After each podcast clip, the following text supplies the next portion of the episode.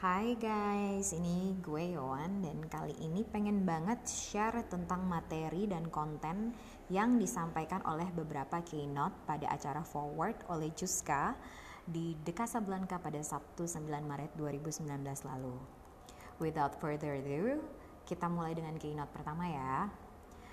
Pembicara pertama adalah Bapak Muhammad Lutfi. Beliau adalah Menteri Perdagangan Indonesia ke-32 dan juga pernah menjabat sebagai Duta Besar Indonesia untuk Jepang dan Federasi Mikronesia.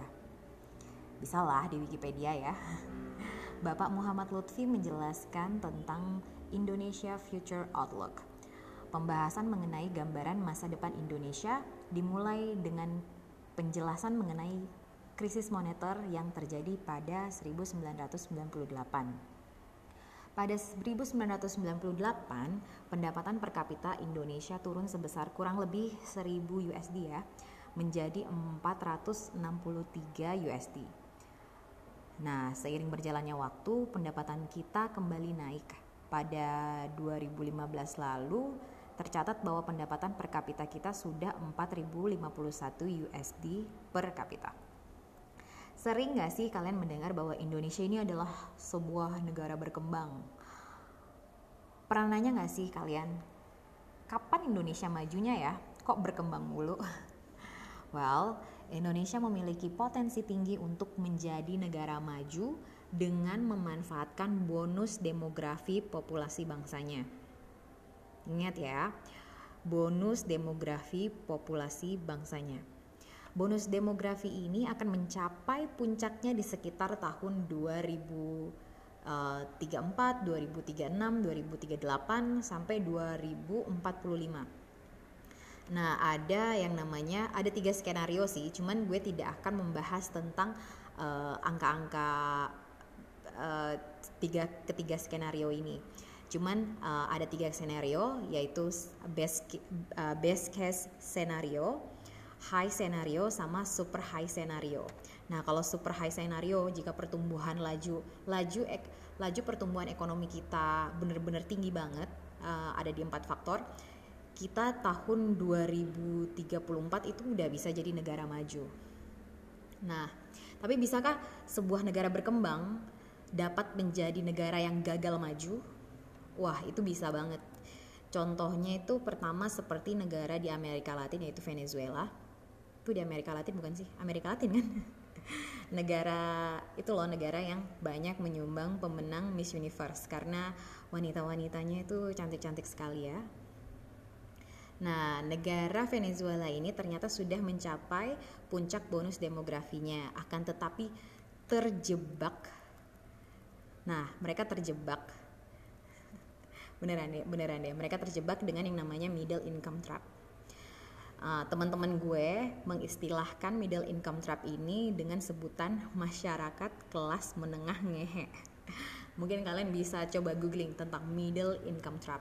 Nah, middle in income trap ini adalah sebuah kondisi di mana uh, masyarakatnya itu susah untuk sebuah negara tersebut itu meskipun memiliki uh, jumlah penduduk yang banyak, populasi yang banyak, yang produktif juga, tapi mereka memiliki kesulitan untuk menaikkan pendapatan per kapita. Nah, uh, contoh lainnya itu juga adalah Thailand. Negara tetangga kita itu sudah mencapai demografi bonusnya pada tahun 2010. Akan tetapi terjadi pula krisis politik atau krisis kekuasaan di negaranya. Kalian bisa googling googling tentang krisis di Thailand pada tahun 2010. Nah, krisis politik akan berdampak terhadap semua hal, apalagi aspek ekonomi negara ya. Makanya pelajaran untuk negara kita dan diri kita sendiri mungkin kurang-kurangilah demo yang tidak masuk akal dan aksi-aksi terorisme ya. Sebuah keadaan yang tidak pasti atau krisis itu menciptakan keadaan di mana tidak adanya kepastian akan hukum-hukum ekonomi. Jadi mungkin kayak pernah nggak sih kalian bayangin ya gila nih uh, di hubungan ini di hubungan ekonomi di hubungan kerjasama ini atau hubungan hidup hubungan percintaan kalian aja jika kalian merasa ini gila ini nggak pasti. Duh ngapain gue mau invest sama nih orang mending kita putus. Nah sama investor juga gitu. Kalau keadaan uh, situasi ekono, uh, politik di sebuah negara itu tidak pasti hukum-hukum ekonomi itu tidak akan berlaku di sana. Jadi pasti mereka akan memilih duh daripada nggak pasti-pasti nih mending uh, gue tarik semua investasi gue dan gue membatalkan untuk berinvestasi di negara tersebut. Jadi hati-hati ya guys ya. Jangan buat buat perang di negara kita. Please banget. Hidup damai-damai aja. Nah ada pun yang harus kita waspadai adalah masalah middle income trap ini Uh, menurut Bapak Muhammad Lutfi, terdapat empat koefisien untuk mencegah negara kita terkena middle income trap. Empat koefisien tersebut adalah pertama investasi, kedua manufacturing, ketiga ekspor, dan keempat itu adalah masalah agriculture ya. Angka-angka pertumbuhan empat koefisien tersebut harus dikejar sekali ya jika uh, jika angka-angka tersebut sudah mencapai I think kayak 8,1 gue lupa beneran fix angkanya berapa tapi gue punya slide-nya jadi ibaratnya fokus kita itu adalah mengejar angka laju pertumbuhan ekonomi kita saat uh, sampai masa dan memanfaatkan uh, bonus demografi populasi di Indonesia tersebut. Nah, ini. Pertama, investasi Investasi dapat dilakukan dengan membuka diri kita untuk bekerja sama dengan pihak lain. Pihak zaman dulu. Jika zaman dulu kita tujuannya adalah bersaing atau berkompetisi, pada zaman ini kita harus dapat berkolaborasi. Dengan menjadi negara yang terbuka, kita dapat mencoba mendatangkan investor dari luar untuk bekerja sama membuat perjanjian perdagangan. Salah satu aspek yang membuat investor tertarik untuk bekerja sama dan berinvestasi adalah dengan adanya daya tarik market Indonesia. Apa sih daya tarik market Indonesia? Daya tarik market Indonesia adalah jumlah populasinya yang banyak. Uh, pada 2015 lalu juga pertumbuhan Indonesia, pertumbuhan ekonomi Indonesia mendapatkan peringkat 16 di dunia untuk GDP-nya. Jika pertumbuhan ekonomi kita uh, uh, stabil dan makin membaik. Semoga saja kita bisa mendapatkan peringkat 9 ya di dunia uh, di tahun 2030 dan peringkat keempat di dunia pada tahun 2045. Gila lu 2045 bro-bro berapa ya? 55 kali gue ya. Oke. Okay.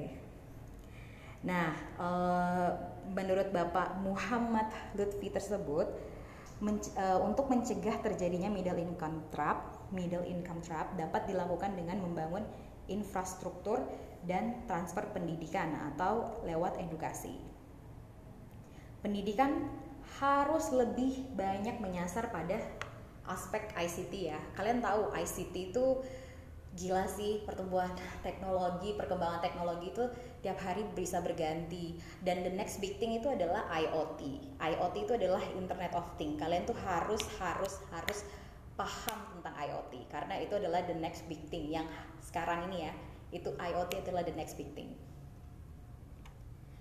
Nah, uh, uh, pertumbuhan uh, cara untuk me, apa sih namanya menaikkan pertumbuhan pendidikan itu adalah memperbanyak jumlah guru karena jumlah guru itu juga harus ibaratnya disesuaikan dengan pertumbuhan uh, muridnya gitu loh. Kalau muridnya banyak, gurunya cuma dikit gimana dong? Selain guru, tentu saja pengadaan infrastruktur seperti sekolah menjadi hal penting. Gila, lu bayangin muridnya banyak banget, sekolahnya cuma dua. Itu gimana ya? Terus gurunya cuma satu. Pusing nggak tuh guru gitu kan? Ngajarin begitu banyaknya murid Nah, selain jumlah guru dan sekolah yang masih kurang di Indonesia, jumlah dokter pun masih bisa dikatakan kurang, Dok, apalagi dokter spesialis ya. Keadaan di keadaan Indonesia saat ini diumpamakan uh, Bapak Muhammad Lutfi seperti banyaknya penonton di satu stadion GBK, tapi cuma punya 45 dokter untuk menangani mereka. Wah gila itu satu satu stadion GBK berapa ya isinya? Itu ada cuma 45 dokter. Kalau sakit semuanya mungkin nggak ke handle ya. Jadi intinya kita nggak boleh sakit saat ini. Nggak boleh. Nggak semua pasien bisa di handle ya. Berbicara oh ya berbicara mengenai infrastruktur sering kali diasosiasikan dengan pembangunan dan pengadaan jalan. Nah tentu saja hal itu benar adanya tetapi infrastruktur seperti listrik itu juga tidak kalah penting untuk diperhatikan. Studi kasus mengenai masalah ekspor ikan ya, mengapa angka ekspor ikan di Indonesia lebih rendah dibandingkan uh, negara tetangga seperti Filipina. Padahal laut Indonesia itu luas sekali loh, ikannya juga banyak sekali loh. Hmm, ternyata masalahnya bukan masalah nangkap ikannya kurang banyak atau seperti apa, tapi untuk mengawetkan ikan kan dibutuhkan es. Contoh studi kasusnya mereka ambil di Ambon, sering sekali mati lampu kadang sehari hidup, sehari mati. Jadi tentu saja lemari pendingin itu tidak dapat berfungsi untuk mengawetkan ikan-ikan untuk diekspor. Nah, itu salah satu masalahnya. Kita perlu mengadakan pembangunan infrastruktur yang merata dan tidak hanya jalan, listrik juga menjadi salah satu faktor yang harus kita perhatikan.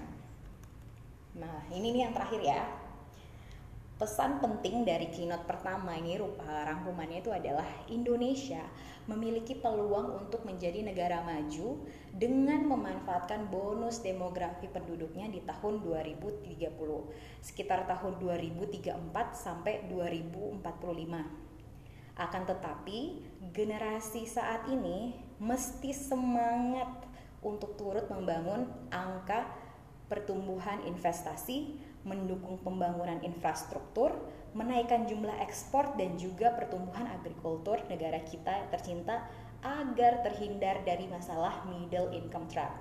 Kita harus mulai dari sekarang. Sekian materi dari keynote speaker pertama Forward. Jika ada kesalahan dan mungkin kekurangan, mohon maaf dan boleh kok coba koreksi saya di DM aja juga. Yo, kayaknya ini salah deh. Oke, gue bisa bikin revisi. Jika kalian butuh perspektif lainnya mengenai konten materi dari speaker pertama, kalian bisa pintar-pintar search hashtag Move Forward Indonesia dan follow akun-akun tersebut di Instagram. Mungkin saja mereka yang pernah datang juga uh, sempat membagikan materi keynote speaker pertama di feed mereka. Sekian dan sampai berjumpa di materi keynote speech dari Presiden Forward yaitu Mas A. Akar Abiasa dan uh, Pak Giri Vaynerchuk di kesempatan lain ketika saya rajin bikin podcast. Yohan pamit undur diri dulu ya guys. Have a great day and night. Oke, okay, kita sebagai pemuda-pemudi harus semangat bangun negara Indonesia kita. Oke, okay, see you.